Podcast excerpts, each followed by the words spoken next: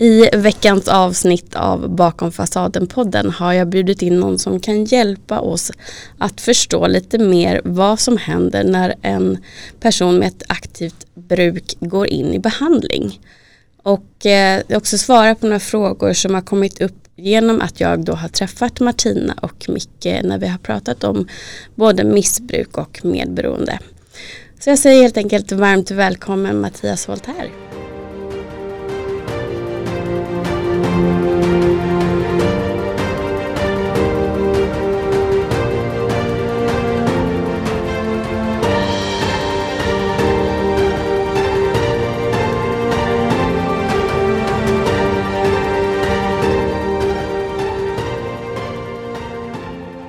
Ja, hej, tack. Hej! hej. Vad kul att du kunde komma på kort eh, short notice också. Ja, självklart, självklart. Försöker ställa upp i den mån jag kan. Mm. För det är så pass viktigt ämne att prata om. Det är ju det. Och eh, jag vet att du också har medverkat i flertalet andra poddar och eh, verkligen brinner för att hjälpa andra människor. Mm. Stämmer, stämmer. Så jag tänker om du bara börjar förklara lite grann om eh, Dalenius Voltaire och vad ni jobbar med, hur er eh, plan ser ut. För det är ju ett behandlingsprogram för privatpersoner. Mm, precis. Eh, ja, jag driver ju då en eh, privat öppenvårdsbehandling. Eh, Tolvstegsbehandling. Eh, vi använder oss av eh, en manual som heter Project Match som är skräddarsys efter individen. Så den är individanpassad. Eh, och det är egentligen helt enkelt för att alla människor är olika och befinner sig på olika platser i livet och olika stadier av sitt eh, bruk eller beroende. Eh, så att eh, ja, den anpassas helt enkelt efter individen. Och framförallt då att du ska kunna ha ett arbete. Eller för de som har ett arbete ska även kunna få en kunna gå en behandling och samtidigt klara av att leva eh, ett familjeliv med jobb och kunna gå en behandling. Det finns inte alla människor som kanske kan åka iväg på en flera månader lång eh, internatbehandling eller vara borta från sitt arbete fyra dagar i veckan till exempel. Mm. Eh, och ja, så och sen framförallt jag brukar säga det, det är liksom lögnen, skulden och skammens sjukdom. Och är det någon som lider av beroende så är det väldigt sällan någon går till sin arbetsgivare och säger hej jag, jag behöver vara sjukskriven nu för att jag är narkoman, jag behöver gå in i en behandling. Mm. Och framförallt har du familj till exempel med barn så kanske du inte går till eh, SOS eller kommunen och ber om hjälp för då startar ju de en utredning och det blir orosanmälningar. Och då låter de istället bli att söka hjälp. Så Mm. därför valde vi att starta den här och det var ju också egentligen för att när jag var som värst i mitt missbruk så sökte jag faktiskt hjälp och eh, fick inte hjälp. Eh, Jag hade jobb, jag jobbade som eh, butikschef. Jag hade lägenhet, jag hade ja, mamma, pappa, systrar i ett vanligt medelklassområde som hade villa, Volvo, landställe. Och när jag sökte behandling så skulle det ta x antal månader utredning innan jag, de kunde bestämma vilken typ av hjälp jag skulle få. Eh, vilket strider egentligen mot allt för det här är en sjukdom. Och av någon anledning ligger den fortfarande under socialen, eh, socialtjänstlagen. Och, vilket jag tycker är helt fel. Eh, och för att inom loppet av de månaderna deras utredning, ja, då hade jag kunnat dött. Mm. Knarkat ihjäl mig. Det här var ju 15 år sedan ungefär va? Ja, lite mer. Det var nog nästan 16-17 år sedan eh, som, som det här var. Eh, och jag var riktigt illa där. Kokain var min huvuddrog, kokain och alkohol. Och hade precis skulle bli pappa.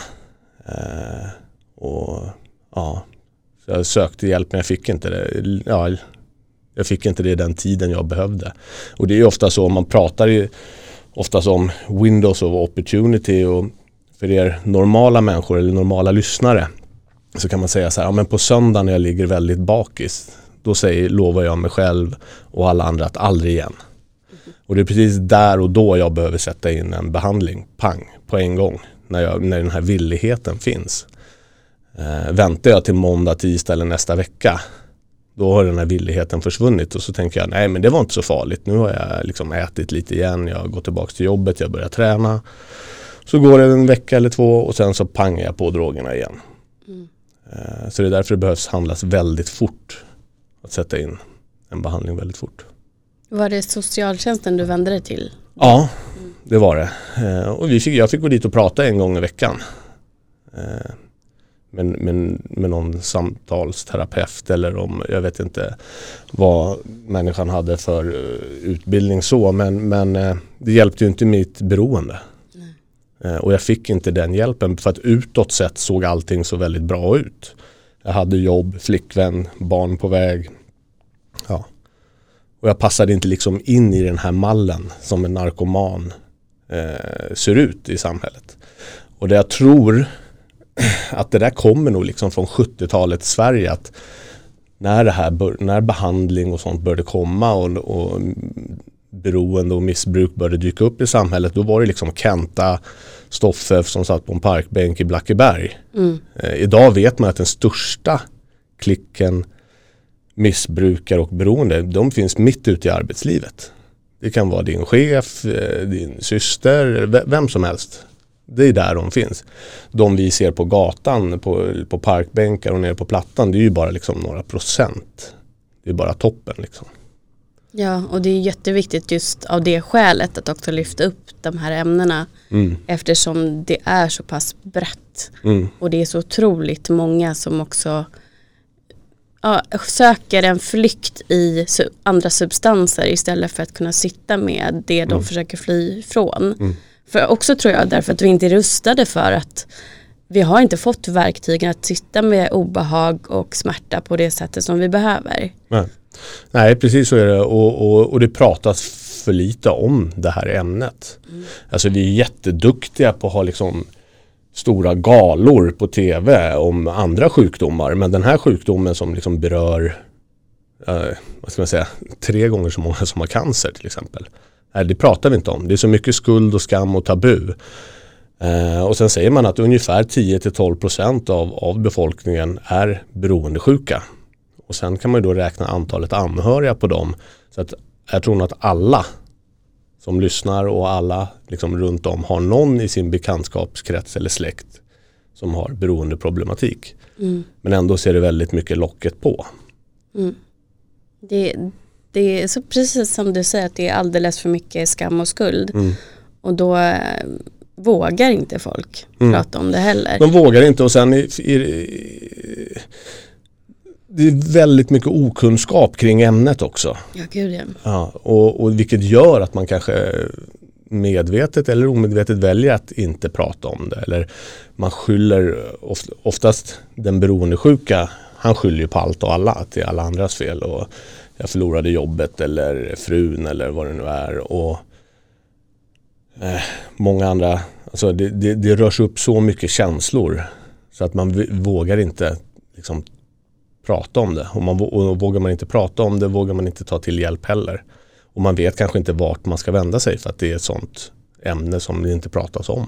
Det som gör mig ledsen också när jag hör många som har blivit nyktra och pratar om att de har gått så många år utan mm. att veta vart de ska vända sig för att få hjälp. Det är också att de har lagt väldigt mycket skuld på sig själva för de har inte kunskapen att det är en sjukdom. Mm. Mm.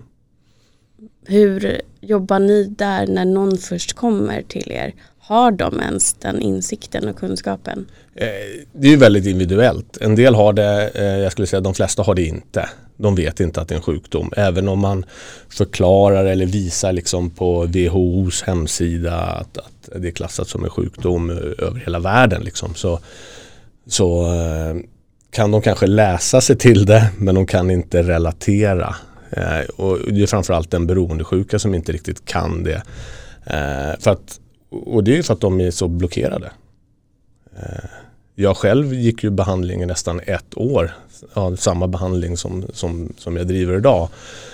Och, och jag kunde liksom inte förstå för att jag, jag, jag hade liksom kun, kunskapen hade jag. jag. jag. kunde läsa och skriva och jag fick det men, men jag var så avstängd. Du kunde inte ta in det? Jag kunde inte ta in det liksom i, i min hjärna. Det är ju för att, för att en beroendesjuk, jag ska säga största delen sitter ju i min skalle. Mm.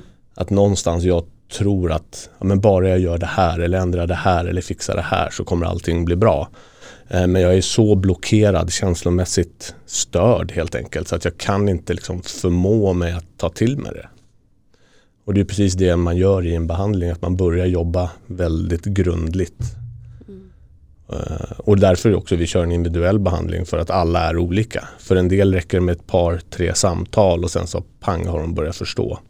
Medan andra tar det väldigt lång tid. Och om vi pratar lite om just 12-stegsprogrammet också. Mm. För att det är någonting som jag upplever att jag med och många med mig, vi känner till namnet Mm. och att det är 12 steg och det, jag tror att det är någon, någon del, nu försöker jag prata utifrån gemene man, så att, ja, det är någon del där, där man ska förlåta sig själv och förlåta andra och, och, och sen vet man inte så mycket mer. Mm, mm. Ja, nej, men tolvstegsprogrammet eh, det är ju ett helt, alltså det, det är ett fantastiskt program. Eh, funkar klockrent. Eh, finns över hela världen. Startade ju på 30-talet i USA. Eh, som en, eh, en, en, en bok man började göra och några alkoholister som träffades och började prata om sina problem. Eh, de gjorde den här boken tillsammans och, och de här 12 stegen som sen har blivit en växande gemenskap som har fått massa andra gemenskaper. Eller AA var ju de, störst, eller liksom de första och sen så kom ju NA, CA, DA och idag finns det ju massa olika ja, grupper inom 12-stegsgemenskaperna. Ehm, och, och det är väl det som har bevisats funka allra bäst på, på beroendesjuka. Mm. Eh, och ja, det skrevs ju av en, en läkare och en eh, patient till honom. Eh, och det är ju 12 steg man gör enligt då den här förslagen i, i boken. Eh, och ett, alltså lite, lite kortfattat, nummer ett är att erkänna och förstå att jag har det här problemet. För det är ju så att om inte jag vet om att jag har ett problem, då kommer jag inte kunna göra något åt det. Mm. Så första steget är att liksom se att okej, Mattias har det här problemet. Nummer två, att komma till tro att det finns, att jag, att jag kan lösa det här problemet. Och tre, okej, jag bestämmer mig för att lösa det. Sen finns det ju väldigt mycket fördomar om, om tolvstegsgemenskapen. Det, här, eh, det nämns ju Gud väldigt mycket. Högre makter och krafter och andligt. Och, och det, det är väl egentligen bara ja, från början innan tolvstegsgemenskapen startade så fanns det något som hette Oxfordrörelsen som var en kristen rörelse. Så det var därifrån de fick liksom lite inspiration att starta AA då en gång på 30-talet. Så det hade sina rötter i en kristen eh, tro. Men sen upptäckte ju de då när de startade AA eller tolvstegsprogrammet att det, här, det går ju inte att ha någon religion. För då utesluter vi ju jättemånga människor.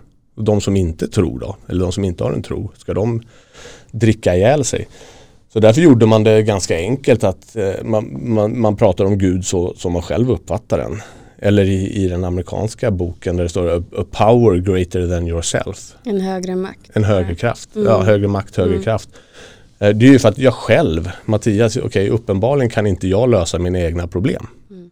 Eh, Jag, då hade jag ju slutat knarka för länge, länge sedan. Och jag försökte verkligen men jag själv var kraftlös eller maktlös. Jag kunde inte.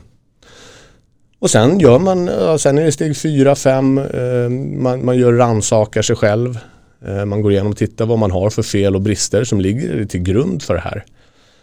Och man liksom lyfter upp dem svart på vitt. Man diskuterar dem med någon och, och, så att jag ser och förstår dem. Och därifrån måste jag börja ändra mitt sätt. För uppenbarligen Mattias sätt har inte funkat. Jag brukar säga att ja, men när jag styr båten då går jag på grund. Mm. Även om jag, om, jag, om jag är fast besluten om att den här gången ska jag göra rätt. Och jag tror verkligen på det. Så går jag på grund varje gång. Så därför behöver jag hjälp av en annan. Jag behöver hjälp av det här programmet att se mina liksom fel. Jag får, får hjälp att rätta till dem. Jag får ställa mina misstag till rätta. Så att jag inte har den här ryggsäcken med liksom skuld och skam och ångest. Jag får börja liksom rota i det här. Man kan säga li- lite KBT över det. Liksom. Och sen eh, resterande steg 10, 11 och steg 12. Eh, det är att jag på daglig basis behöver jobba med mig själv. Jag brukar jämföra det med, med sjukdomen diabetes. Att, att så länge en person tar sitt insulin och har kontroll över det här så kan han eller hon leva ett normalt liv. Mm. Likadant är det med, med det här om, om den beroendesjuka lever då i steg 10, 11, 12 eller i det här liksom, 12-stegsprogrammet, gemenskapen och gör allt som, som behövs. Då, då, då fungerar Mattias som en normal människa. Och då, och då, krävs det att jag gör vissa rutiner på dagarna, på kvällarna, på morgnarna och att jag hjälper andra och, och lite sådär. E egentligen när man tittar på det med lite distans är det så här ganska common sense. Mm. Okej, okay, det är så här de flesta normala människor försöker leva. Problemet är att när de normala människor gör misstag eller blir arga och sånt, de går inte ut och knarkar ihjäl sig, det gör jag. Så för mig är det livsviktigt att jag försöker följa de här direktiven som står då. Och så länge jag gör det, då kan jag leva ett normalt liv. Mm. Lite kortfattat om, mm. om tolvstegen. Liksom. Kan man säga att man lever liksom då för alltid i de sista stegen? Ja, precis. Så, jag, så att, ja, om jag bara går till mig själv då så försöker jag så gott jag kan leva i, i steg 10, 11, 12. Vilket, alltså, steg 10 handlar om, om, om på den dagliga, ja, hur jag är till vardags, daglig basis egentligen. Liksom. Att jag, blir jag förbannad, rädd, ledsen? Ja, men jag diskuterar det med någon. En sponsor till exempel. En sponsor i tolvstegsgemenskapen det är en annan nykter alkoholist, narkoman som hjälper en annan som redan tidigare har gjort de här stegen. Så han har lite mer erfarenhet än vad jag har. Då ringer jag honom eller henne och, och, och, och bara diskuterar. Du, jag är förbannad på det här eller det här händer på mitt jobb eller det här händer i min relation. Uh, och så är vi, då har vi fyra ögon att titta på det här eventuella problemet eller vad, vad är det nu för något som uppstått. Och då blir det mycket lättare att lösa. Mm. Och sen när jag beter mig illa att jag försöker liksom se min del. Okej, okay, varför blir jag upprörd? Varför blir jag rädd? Och okej, okay, har jag sårat henne eller honom? Då behöver jag kanske ställa den här situationen till rätta, be om ursäkt. Och framförallt försöka rätta till så att det inte händer igen. Eh, och, och, sen har man lite kvällsrutiner där man går igenom sin dag. Eh, på morgonen planerar jag min dag. Eh, och då är jag liksom ganska ordentligt rustad. Och, och det tolfte steget är att arbeta med andra. Då är det min tur att sponsra eller hjälpa en ny. Mm. Och på så sätt liksom fortgår hela den här äh, processen. Att man hjälper fler och fler också. Ja, precis. Det låter ju som egentligen att de stegen skulle alla kunna ta till sig för att leva på ett ja, sätt när man mår bättre själv också. Just för mm. att jag tänker på det här när man såra folk. För det mm. gör vi i och med att vi är människor och mm. vi är inte perfekta. Det, det, existerar inte. Men jag tänker att det, det kan finnas så stort motstånd i att se sin egen del i det och sen också att många tänker att ska jag be om förlåtelse så betyder det att jag också erkänner att jag är fel. Mm. Och det Ja, det, det har ju med våra, våra, det, våra egon att göra, att vi ja. är så självuppslukade av oss själva. Och, och, ja, nej men absolut så, så kan det ju kännas. Och jag brukar säga det att för, för de flesta normala människor så är, är det här oftast inte en icke-fråga. De, de, de, har råd att gå runt och vara lite sura på någon eller be någon dra åt helvete och inte prata med dem. Men för sådana som mig så är det så att den där känslan kan äta upp mig inifrån. Mm. Problemet är att när jag pratar med normala vänner så, så kan de vara förbannade på någon eller det kan vara något ex eller någonting så här. Sen så bara, nej men jag släpper det. Jättebra. Problemet med mig är att jag går och ältar det här. Jag kan inte bara släppa det. Eh, utan det här fylls på i min ryggsäck med skuld, skam, irritation, rädslor och till slut tar jag till flaskan eller drogen. Mm. För att jag hittar ingen annan utväg. Jag kan inte leva nykter och jag kan inte leva som en narkoman utan det blir bara en, ett moment 22. Jag går runt och blir sinnessjuk. Det blir väl en typ av självhat som byggs på och då blir det att man tar till det som är destruktivt för att liksom Ja, det kan... straffa sig själv på något sätt. Ja, så, man så... kanske inte ser det så. Men nej, nej, nej, nej precis. Eh, den sista som ser är ju beroendesjuka. Det är mm. det som gör den här sjukdomen så extremt svår. Uh, och det är ju för att den, den beroendesjuka är ju den sista personen som inser eller förstår att den har ett problem. Mm. Uh, för att jag är så förljugen eller jag, säger, jag är så blockerad så jag kan inte se det när jag börjar insjukna. Och det är därför också många det finns många som liksom förkastar tolvstegsprogram, behandling och sådär. Ja men jag har provat det där, det funkar inte. Eh, och det tycker jag är jätteintressant för då brukar jag alltid sätta mig har du gjort allting? Ja, det visar sig att det har ju ingen av dem gjort. Nej. Eh, men det är att man ska inte skylla på dem utan det är att de är liksom inte mottagliga för det. Utan då kanske det behövs liksom en mer grundlig behandling innan. Och det är ju där behandling kommer in. Jättemånga människor klarar att komma till sina tolvstegsmöten, skaffa en sponsor, börja jobba och tillfriskna. Eh, vilket är superbra och superfint. Eh, men sen är det också väldigt många som inte är redo eller inte riktigt klarar av det för att de är för förljugna eller för känslomässigt blockerade. Ja, men då behöver man kanske en behandling innan för att jobba med de här delarna. Eh, så då kan man säga att en behandling är ju liksom språngbrädan mellan beroendet, missbruket och, och tolvstegsgemenskaperna. Kan du berätta lite mer då hur själva behandlingen ser ut? Och... Mm, det, det, kan jag göra. Behandlingen är som jag sa, den är högst individuell mm. hos oss. Eh, eh, beroende på var personen befinner sig. Vissa kommer in och är, är så redo så där sätter vi igång på en gång och börjar köra liksom djupdyka i, i, i beroendeproblematiken. Medan en del är så, de lever de förstår att de har lite problem men det var kanske inte så farligt efter två dagar säger de. Mm. Och där får man verkligen börja jobba med sjukdomen. Vad är sjukdomen för något? Hur har det sett ut för dig? Och så får man liksom göra upp, eh, titta på sitt eget liv under, under en tid. För det, det första man gör är att göra en skattning.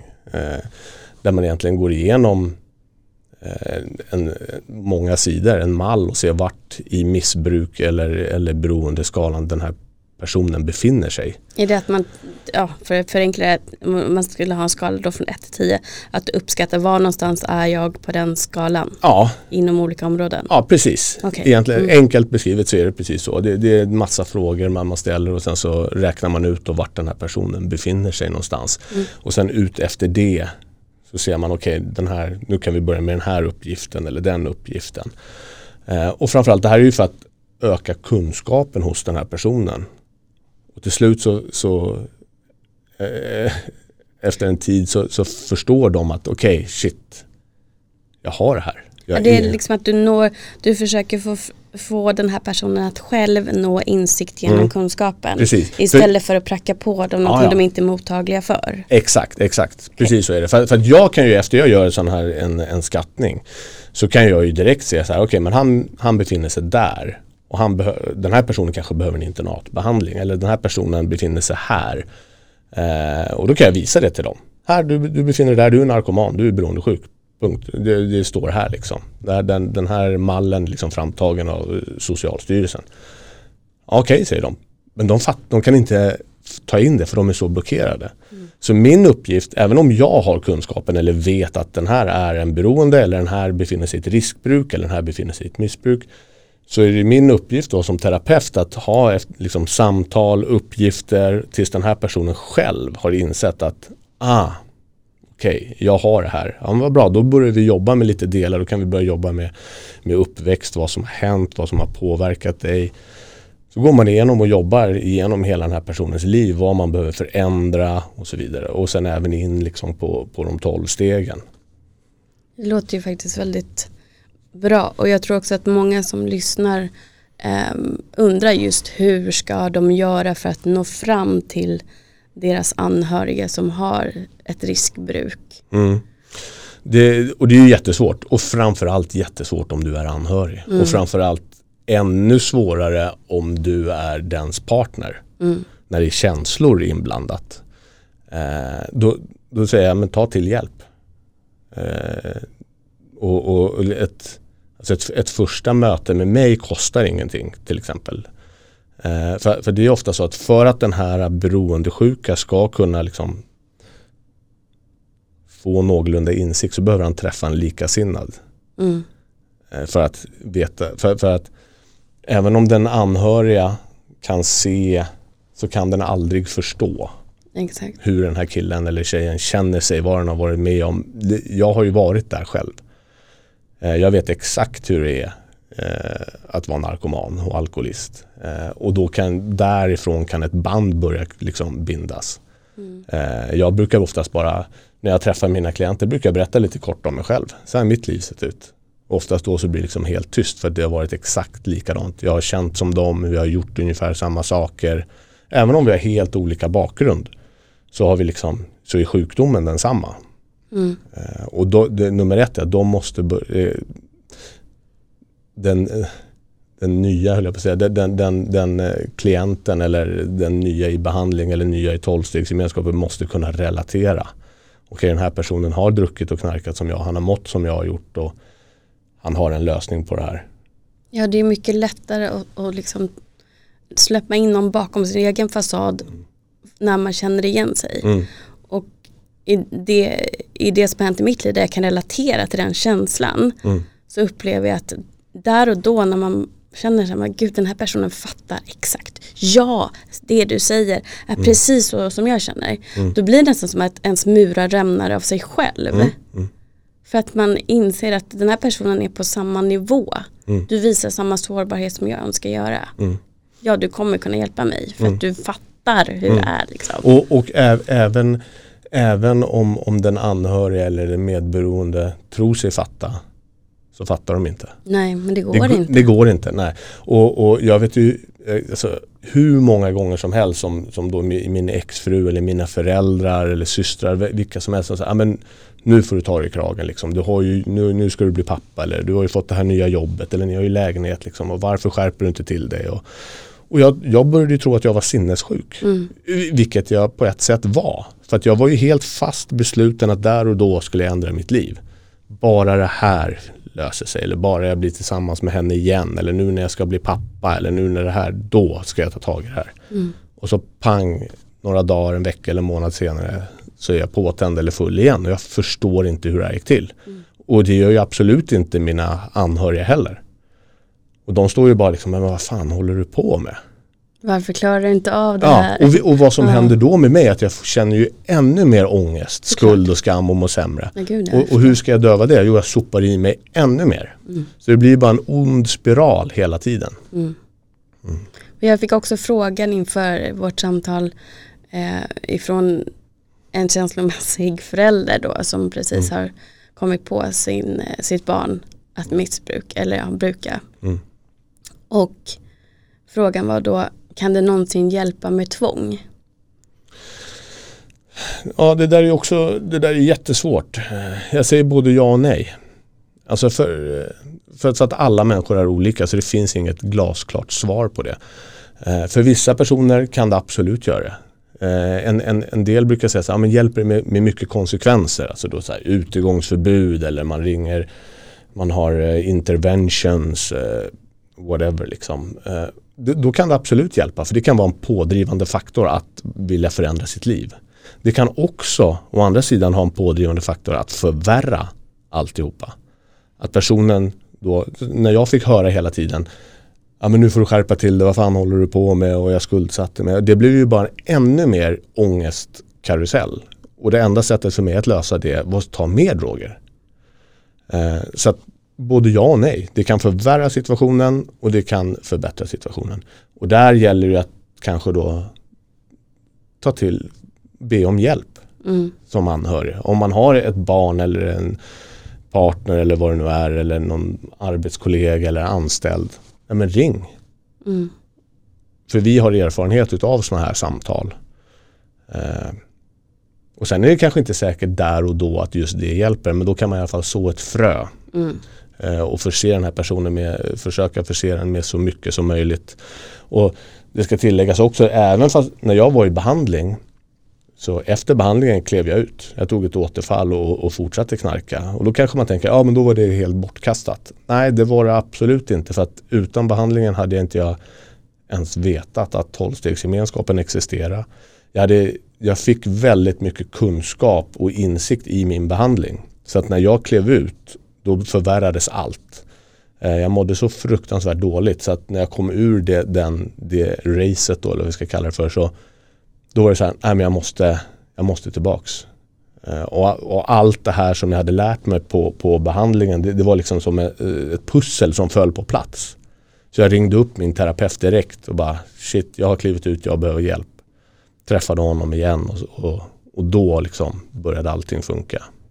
Börjar man om då med första steget igen? Ja precis. Efter att man har tagit ett återfall? Ja. Så då... ja jag, jag gjorde det. Ja. Eh, så jag, alltså, när det kommer till tolvstegsgemenskaper och sponsorer, det är ju inga professionella utan det är ju vanliga människor. Mm. Vanliga narkomaner som har, eller alkoholister som har tillfrisknat. Eh, så hur de gör är säkert högst individuellt. Mm. Det, det, finns liksom inte. Men, men, eh, men för mig var det så. Jag, jag hade ju börjat jobba lite i stegen. Jag hade var på behandling och sen efter behandlingen så tänkte jag så här att men nu har jag sex månaders nykterhet nu kan jag ju dricka som normala människor. Nu kan, har jag ju koll på det här. Mm, mm. Det, det jag, men det var en liten detalj jag inte hade fått med mig eller som jag liksom var blockerad för. Det är att jag, jag har den här sjukdomen resten av livet. Så det som hade hänt under den här tiden på behandling när jag hållit mig nykter det var ju att min, min, sjukdom, ja jag var nykter men min beroendesjukdom hade ju liksom, den är ju progressiv. Så den stod ju bara och liksom väntade på att, att bli matad med alkohol och droger. Så när jag klev ut så blev allting tio gånger värre. Och jag förlorade allt. Jag fick sparken från jobbet och skuldsatte mig enormt. Mm. Men mm. Eh, om, om det är då någon som, eller om du tar dig, dig själv som exempel. Mm. Du, man tar ett, eller du tog ett återfall mm. och sen vaknar upp och tänker att nej men nu vet ju jag vad det är jag vill göra och vad jag ska göra. Mm. Vad det, vad, hur går man vidare då? Mm. Eh, nummer ett, tog, tog ett återfall. Eh, det var det jag sa att jag gjorde. Mm. Eh, jag hade ju egentligen inte tillfrisknat så jag hade ju ingenting okay. att återfalla från. Nej. Men jag kallade det ett återfall. Mm. Jag, mm. det som egentligen var att jag hade bara haft ett uppehåll i mitt användande under behandlingen. Eh, jag hade ju inte liksom riktigt jobbat, jag hade ju inte riktigt börjat jobba med en sponsor och sådär. Men, men, eh, men sen eh, efter det här racet då, då, då jag ringde upp min terapeut, jag träffade honom och han sa till mig, du måste börja gå på möten igen varje dag och du behöver liksom ta tag i en sponsor och göra det här du har lärt dig under behandlingen. Eh, och verkligen göra det. Och då var jag, jag var så slagen så jag var villig att göra, jag brukar säga det, jag, jag var villig att göra precis vad som helst. Hade folk bett mig äta hundskit så hade jag gjort det. Så gärna ville jag bli nykter. Men jag kunde inte det själv. Jag har ju försökt liksom nu i åratal. Jag hade gått på möten, jag har gått på behandling. Ja visst, när jag gick på möten och, och var på behandlingen så höll jag mig nykter. Men när, när, när den var klar, då trodde jag någonstans i min sjuka skalle att jag var frisk. Eh, och att jag kunde använda som normala människor. Mm. Vilket jag inte kan och aldrig kommer kunna.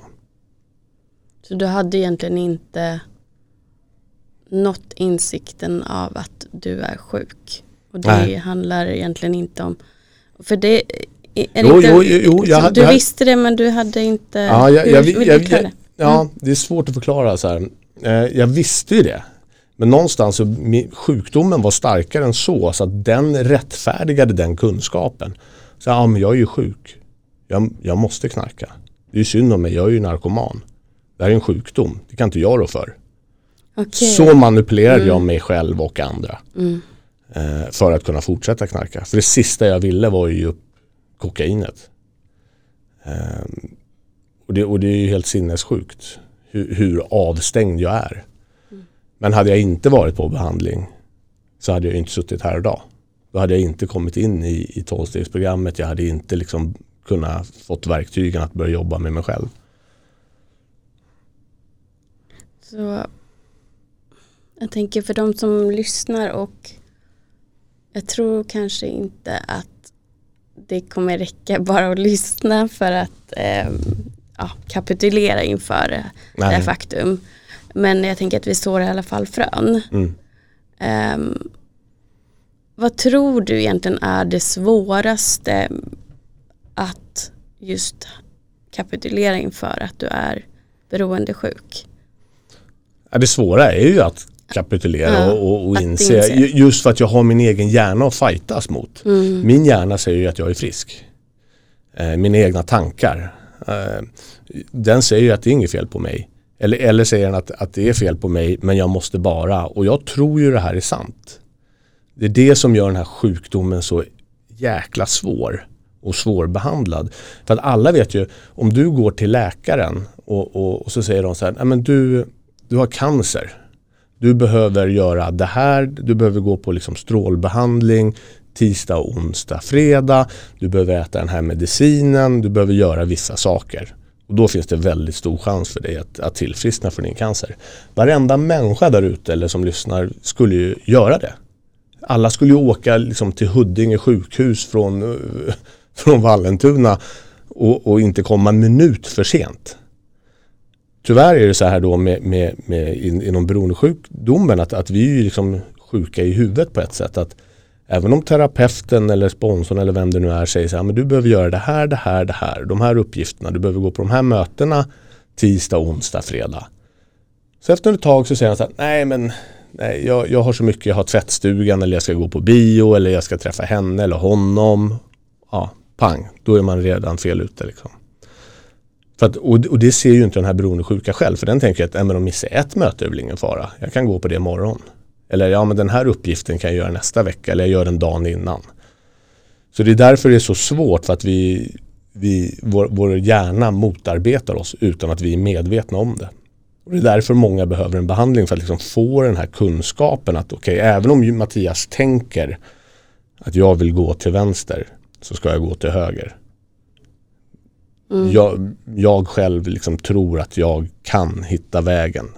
Och vad är det behandlingen då som hjälper till att få fram det? Ja, man går ju igenom, man bör, det, det, det är där som är lite individuellt då för att alla är olika, men man börjar ju gå igenom och tittar på vad är det som har hänt tidigare i livet. Okej, men vad hände när du gjorde det här och det här? Och oftast är det så att ja, men jag gjorde massa saker som det blev pannkaka, men mitt uppsåt var gott varje gång. Jag hade liksom ingen tanke på att såra allt och alla i min väg, men det blev så. För att jag själv var, var så liksom mentalt avstängd. Och jag trodde verkligen att gör jag det här så kommer resultatet bli bra. Men det blev fel.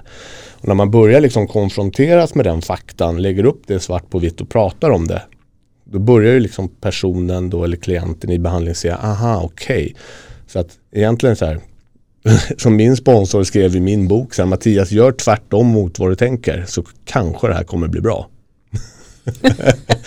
Tvärtom-metoden. Ja, ja, precis. Ja, men lite så. Eh, och sen är det ju högst individuellt. Sen, ja. sen var det ju mycket saker jag gjorde och många saker som klienter gör som är jättebra.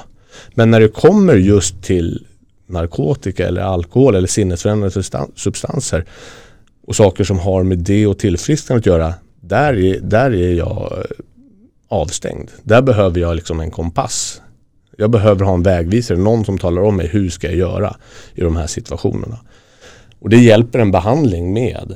Eh, då börjar man liksom konfronteras och titta på de här sakerna. Okej, okay, vad kan jag göra här istället? Och hur kan jag göra den här situationen? Och sen så börja jobba med de här delarna. Jag, jag vet inte, nu är det bara här bara en eh, tanke från mm. någon som egentligen inte är utbildad. Mm. Men jag tänker också att det som du använder substanserna till för att fly ifrån mm. behöver du inte också gå till botten med att få i alla fall kunskap om vad det är för någonting du försöker fly ifrån så att du vill sluta fly ifrån det. Självklart. Självklart är det så. Och då, vad kan det vara då?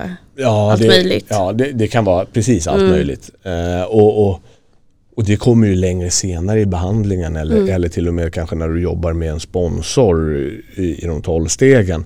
För att när jag började knarka så var det inte så här, nej men nu behöver jag fly från den här känslan så jag, jag tar kokain. nej, nej, nej. nej, det nej. var inte så utan, utan beroendesjukdomen är ju oftast eh, man, man, man, den är ju oftast medfödd, alltså den är ju ärftlig. Vet man ju idag. Och sen så visst, du kan knarka dig till ett beroende eller dricka dig till ett beroende också. Men största delen så, så, så är den ju medfödd. Och, och det är att, att så, så jag hade ju ingen plan på att fly från någonting eller känslor utan jag var ju bara en, om man bara ser långt innan jag använde droger så hade jag ju den här beroende personligheten. Mm. Jag kunde inte göra någonting till 50-60% jag gjorde dem till 110%. Var jag besluten av att nej, men, nu, nu ska jag åka skateboard, då åkte jag skateboard varje dag, hela dagarna, nästan dygnet runt. när jag började klottra på slutet på 80-talet så gjorde jag det extremt mycket. Jag var ute varje natt längs tunnelbanelinjerna och, och målade och klottrade. Så, all, så redan där såg man ju, kan jag ju se idag då, att jag hade den här beroende personligheten. Om jag gör något jag gillar så kommer jag göra det till max. Mm. Och jag är helt fokuserad på bara det. Och liksom. Så att det är så här, hade, hade inte jag stoppat i mig alkohol eller droger, nej då hade jag ju inte blivit narkoman. Men vad hade hänt då? Ja, jag kanske hade fått olika typer av diagnoser. ADHD är ju en jättevanlig diagnos att få. Eh, eller eller någon annan diagnos. Eller så tittar man då på väldigt framgångsrika företagare, toppidrottsmän. Alltså det finns ju inte en normal människa som kan träna som Gunde Svan gjorde när han vann OS. Liksom, tränar dygnet runt i stort sett. En normal människa skulle ju bli utbränd. Så där ser man ju också någon form av liksom mm. besatthet, mm. beroendegen. Så att det, det handlade inte om känslor då. Mm. Inte vad jag kunde se. Sen att jag liksom var mer eller mindre manisk på vissa saker så visst självklart var det kanske för att döva någonting men, men när jag stoppade i mig droger så var det mest av nyfikenhet. Mm. Ja, men den klassiska tonårsfyllan och sen så, ja men vi ska prova att röka marijuana för det gör alla och sen så blev det amfetamin och sen blev det kokain. Och jag kunde inte sluta, men mina vänner kunde sluta e-, efter x antal år. Eh, men tillbaka till din fråga igen, så absolut, de delarna varför jag stoppar i mig det här, det jobbar vi också med. Mm. De bakomliggande orsakerna såklart. Mm. Det är jätteintressant att du säger det, för nu sitter jag här och liksom eh, lite analyserar mig själv och folk som jag känner som har haft ett felbruk av alkohol till exempel som jag själv mm. också haft. Jag tror skillnaden där och där jag kanske fel har satt en stämpel på mig själv att ha lite av en beroende personlighet är att jag går inte fullt ut. Mm. Jag slutför sällan någonting jag kan verkligen fastna för. Mm. Um, jag behöver inte det som, eller det är inte alltid bra det heller, mm. men där jag använde alkohol var alltid för att fly ifrån mm. någonting. Mm. Um, och, det kun, och nu märker jag att när jag jobbar med mig själv och läker mig själv i terapi och eh, lär mig saker mm. så har ju det behovet helt plötsligt försvunnit av sig själv. Mm. Och där kanske liksom är lite skillnader men med det sagt inte att det var något bra och det är jag väldigt glad över att jag fått medvetenheten om vad jag höll på med också. Mm. För det är fortfarande skadligt mm. och det är fortfarande ingenting att eftersträva att försöka förändra sin sinnesstämning eller vem man är eller glömma någonting för att eh, det har varit en jobbig dag på eh, jobbet. Du har mm. bråkat med någon eh, kollega eller det har varit någon jobbig gäst eller vad som helst. Mm. Att då ta till eh, substanser. Mm. Det är också ett problem. Men jag tror att skillnaden där är ändå att vi som använder det är fel. Och där vill jag kanske säga att det är egentligen ett missbruk. Mm. Till skillnad från de som har den här som blir besattheten om det då vad det nu är att de eh, tränar jättemycket och blir elitidrottare mm. eller att de vänder sig till narkotika och alkohol och där liksom blir lite maktlösa inför det. Mm. Ja, det alltså, man, man måste komma ihåg att det, det är ju skillnad på, på, på riskbruk och, eh, och eh, beroende. Mm. Och sen eh, som vi pratade om lite innan du och jag, det, det, är ju en spiral däremellan så många kan befinna sig på lite olika platser emellan riskbruket och beroende. Och en, en del kanske inte har rått, något riskbruk utan de är liksom fasen innan. Och precis som du säger, det, det man ser nu under den här coronatiden är det så extremt många som jobbar hemifrån och skiljer sig och det blir dysfunktionalitet i familjer. Hur folk tar till flaskan mm. eller drogerna eller tabletterna. Eh, är de beroende? Nej, inte alla. Många kommer säkert kunna utveckla ett beroende eh, men de kanske då be behöver en annan typ av behandling eller en annan typ av vård. Ja, då, då, får vi titta på det. Liksom. Mm. Eh, för de går igenom en jobbig period. Det kan vara en separation, det kan vara dödsfall i familjen, ja, whatever, förlorat jobbet. Eh, eller som du sa, helt enkelt man haft en, en, en skitdag på jobbet eller en jäkligt jobbig vecka och så kommer man hem och då vill man ta ett par glas vin för att lugna ner sig. En, en liksom quick fix istället för att liksom, ja, lyfta upp känslan eller vad, vad, är det som händer, varför är jag så irriterad eller arg eller ja. Mm. Så det är ju jättevanligt men de är ju inte beroende. Nej, det var det jag ville Nej. bara klargöra lite för mm. det var en tanke som väcktes. Men där tänker jag också så här att även om man då inte är beroende men har det här beteendet. Mm. Så tänker jag att de stegen som du pratade om förut när man vänder sig till någon för att prata istället. Mm. Att man fortfarande får utlopp för den här jobbiga känslan istället för att ta Mm. de här tre, fyra glas vin eller kanske en flaska vin och så blir du bakis och mår dåligt. Mm. Att du förlänger det, det jobbiga egentligen om du tar till substanser. Men om du istället då ringer upp en vän eller förälder eller syskon eller någon förtrogen Mm. och får utlopp för känslan. Mm. Då är ju det samma sak som egentligen du gör där i segern. Så det går ju att applicera Ja, på. ja, ja precis. Alltså, alltså, eh, stegen är ju inte för dem. Nej men jag Men- tycker bara att men- det är så klokt att det, liksom, det går att applicera Precis, jag, jag brukar säga så här, a problem shared is a problem half solved. Mm. Alltså har jag ett problem och, och bara ventilerat det med någon eh, så är liksom halva problemet nästan redan löst där för då känner jag mig lite bättre. Mm. Sen kanske man inte ska prata då med sin Ja det är alltid bra att prata med sin bästa vän men, men det, det som också blir, blir, kan vara problem det är att ens bästa vänner har en tendens att alltid klappa en medhårs. Ja. men han är så dum eller hon är så dum. Ja nej jag vet du borde lämna honom och så vidare och bla bla bla. Så han är verkligen, det, det som händer då är att man häller ju bara bensin på elden Mm, mm. och förvärrar saker. Eh, utan man kanske behöver, det är därför jag liksom uppmanar folk att fan, var inte rädda att ta kontakt med en psykolog, en kurator, terapeut eller en beroendeterapeut. Ta några samtal. Eh, och, och, och ser man idag, om man tittar liksom runt i näringslivet av, av, av liksom chefer, toppsäljare, vilka som helst, så har ju de någon form av coach Mm. som de bollar med. Eh, säljcoacher eller chefer, eh, ja, whatever.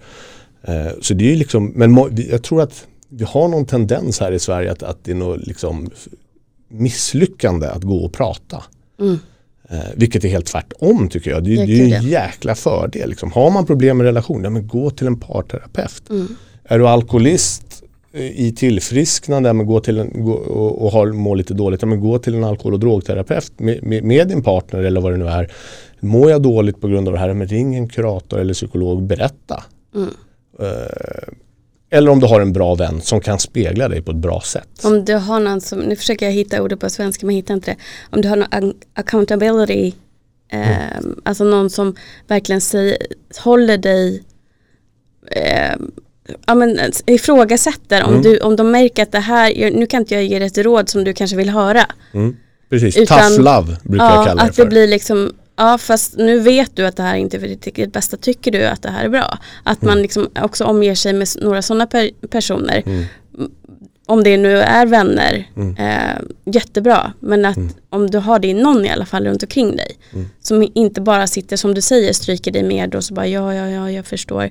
Och vi tar ett glas vin. Att, liksom, Mm. Ja, ja, för att det där tycker jag är så va- vanligt liksom, i vänskapsgrupper. Att Mm. liksom, ja men gud det var efter en skitdag, vi går och tar ett glas vin eller mm. tar några bärs liksom. Mm. Och det hjälper ju inte. Nej, då sopar man ju bara under mattan. Liksom. ja. Problemet kvarstår ju. Känslan kvarstår, bara att den är bedövad just där och då. ja, exakt. Att man istället sitter och pratar med någon som faktiskt håller en skyldig och ansvarig Mm. för det man, man sitter och säger. Det hjälper ju dig att växa som person. Och Mm. Absolut. likaså um, olika typer av behandling eller terapi. Mm. Du växer ju enormt som person och du kommer ju känna dig så enormt stolt över dig själv och vad du gör. Mm. Ju mer ansvar du tar för ditt eget mående. Och, och framförallt, liksom, vad kan jag göra? Mm. Istället för att ja, men jag måste ändra på henne. Ja, Mm. men hon gjorde det här eller han gjorde det här så de måste ändra sig. Ja, säger min polare för hon är dum i huvudet. Eller, ja. Men egentligen är det så här, men jag kan ju inte gå runt och ändra hela världen. Nej, Okej, utan det jag kan börja med att göra så här, ja men i den här situationen och, och jag, jag blir ledsen eller, eller vad det nu är. Ja visst jag kan säga det så här, du det här du gjorde eller sa sårade mig. Vill, vill du snälla inte göra det någon mer. Eh, är ju- han- mycket handlar ju om kommunikation nummer ett. Men sen framförallt då, så här, men okej, vad, vad, vad kan jag göra för något i det här? Vad kan jag ändra? Kan jag liksom ta ansvar för, för mina känslor och mitt mående? Jag kan berätta, jag kan sätta ner, sätta gränser och ja, ringa en, min bästa polare, han kommer ju bara säga nej men hon är dum i huvudet, lämna henne så går vi ut och tar en bärs. exakt. Ja. Mm. Nej, men det blir så problematiskt. Ehm, vi ska börja avrunda lite grann. Mm. Men jag tänker också, vad skulle du kunna säga så kortfattat som det går, har ändå fått dig att vara nykter nu så pass länge? För det är nästan snart 20 år då. Mm. Ja det är egentligen helt sjukt lång tid eh, med tanke på att när jag, liksom mina första möten så var det en kille som eh, tog ett års nykterhet och då undrade jag så här, vad fasiken gör han här? Han har ju varit nykter ett år. Nej men det, det, det jag alltid brukar hävda är så här att det går att leva ett bra liv nykter. Ett kul, bra liv nyktert. Mm. Och det är många som inte tror det. Så här, men gud vad tråkigt det skulle vara. Liksom. Och, och jag brukar alltid säga till de normala människorna då, som, som har den inställningen. Men vad, varför kan inte jag ha kul utan att dricka alkohol? Mm. Då är det ju någonting som inte lirar i mig. Att jag måste ha alkohol eller droger eller någonting för att ha roligt. Då är det ju någonting fel på mig. Eh, och, det, och det jag vill liksom förmedla är väl att liksom, tack vare behandling, och, och de här programmen, tolvstegsprogrammet, så, så går det att le, leva ett kul och bra liv nyktert. Mm. Och det blir faktiskt, det upplever jag bara de här månaderna, det här snart halvåret som jag inte har druckit någon alkohol överhuvudtaget. Mm. Att allting stannar ju kvar hos dig. Du mm. minns allting mm. eh, till fullo. Mm. Och du upplever den här lyckan på ett helt annat sätt. Ja, det är ju en, det är en ärlig lycka. Det är ju en ärlig ja, känsla. Alla den känslor är ärliga och ja, autentiska. Ja, och när, när jag får i mig alkohol eller några andra substanser som ändrar mitt sinne så är det ju falskt. Det, det, det, det ökar ju mitt dopamin och mitt, alltså på ett falskt sätt. Mm. Eh, så det, det är ju riktiga känslor man känner. Så att, eh, ja, och, och då, när man väl får smak för det då är det så här, nej, men för mig är det helt ointressant att dricka alkohol. Ja, jag delar din känsla där. Ja, för mig är det så här, det, det, idag är det en icke-fråga med alkohol och droger. Det är så här, nej, eh, jag behöver inte det. Liksom. Jag kan ha sjukt kul utan alkohol och droger. Mm. Ja, men blir du inte tråkig? Nej, jag har roligt i alla fall. Och jag tror mina vänner uppskattar mig också för att jag kan fortfarande vara liksom galen och göra tokiga saker och jag är fortfarande samma Mattias fast jag är lite mer medveten och har kontakt med mina känslor. Och du är fullständigt Mattias och inte ja. någon annan person. Precis. Eller? Nej. Och sen så tänker jag så här att de av oss som har använt det för att våga lite mer och var mm. egentligen så, jag kan ju bara prata för mig själv men jag vill ju egentligen vara mer av den jag är. Mm. Som jag kanske inte vågade vara bekväm i att visa tidigare. Mm. Nu försöker jag ju tvärtom utmana mig själv att vara den mm. personen ändå. Och då får jag ju kickar mm. av endorfin och dopamin av det. Mm. Ja men så är det och, och jag, jag kan ju se idag när jag tittar tillbaks på min, på min karriär som narkoman att, att många gånger det var ju så här jag, jag, blev ju den här personen jag inte vågade, eller som jag ville vara, mm. men jag inte vågade vara. Och jag blev tuff, jag, mina rädslor försvann, jag vågade prata med tjejer, jag vågade göra liksom, brott och kriminella saker som jag annars inte skulle ha gjort. Så jag, det blev ju en slags falsk grej, fasad. Mm. Jag blev ju en falsk person. Mm. Någonting som jag liksom drömde om, så där skulle jag vilja vara. Mm. Istället för att vara mig själv. Exakt. Om eh, man då har ett riskbruk oavsett om du tror att du är beroende eller inte mm. så är det ju, har vi lärt oss idag, alltid värt att höra av sig till dig. Mm. Och eh, er som jobbar på Delenius Voltaire. Eh, hur når man er? Eh, Instagram, Facebook eller hemsidan. Eh, Daleniusvoltaire.se Min mail är mattias snabela mattiasvoltaire.com Eh, eller Instagram Dalenius Voltaire och Facebook Dalenius Voltaire. Och första samtalet är alltid gratis? Alltid gratis. Mm. Ja. Så det är jättevärt då att om du är orolig för någon eller för dig själv mm. att bara höra av dig och i alla fall ta ett första samtal och sen känna. Man, jag brukar säga det, ett första samtal sen får man ta det därefter vart det nu leder till. Mm. Jag, jag, jag träffar ju mängder med, med, med liksom olika typer av klienter eller potentiella klienter och en del, en del säger nej men tyvärr dig kan inte jag hjälpa, du behöver internatbehandling, ja men då hjälper jag er att fixa det. Eh, så att, så att eh, det, men det viktiga är ju, som vi började hela samtidigt, att börja prata om det. Mm. Att inte vara rädd, skuld och liksom det här, det här, den här tabun kring hela ämnet. Mm. Hör av er, be om hjälp. Mm. Det finns alltid någon i er kontaktkrets ofta som har någon kontakt eller om ni lyssnar här så dela det här gärna vidare liksom för, för att eh, vi måste börja prata om det. Och släppa skammen. Ja. Jättebra. Jag kommer länka till alla de här sidorna i beskrivningen för det här avsnittet också. Så att ni lätt kan leta upp den informationen.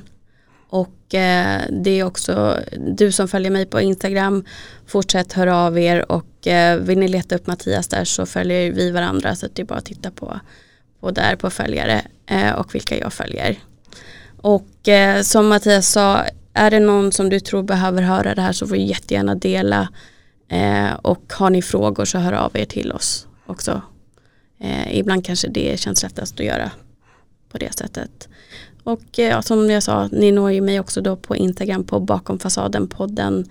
Så hör av er, jag svarar alltid. Och eh, tills vi hörs igen som vanligt, ta hand om dig.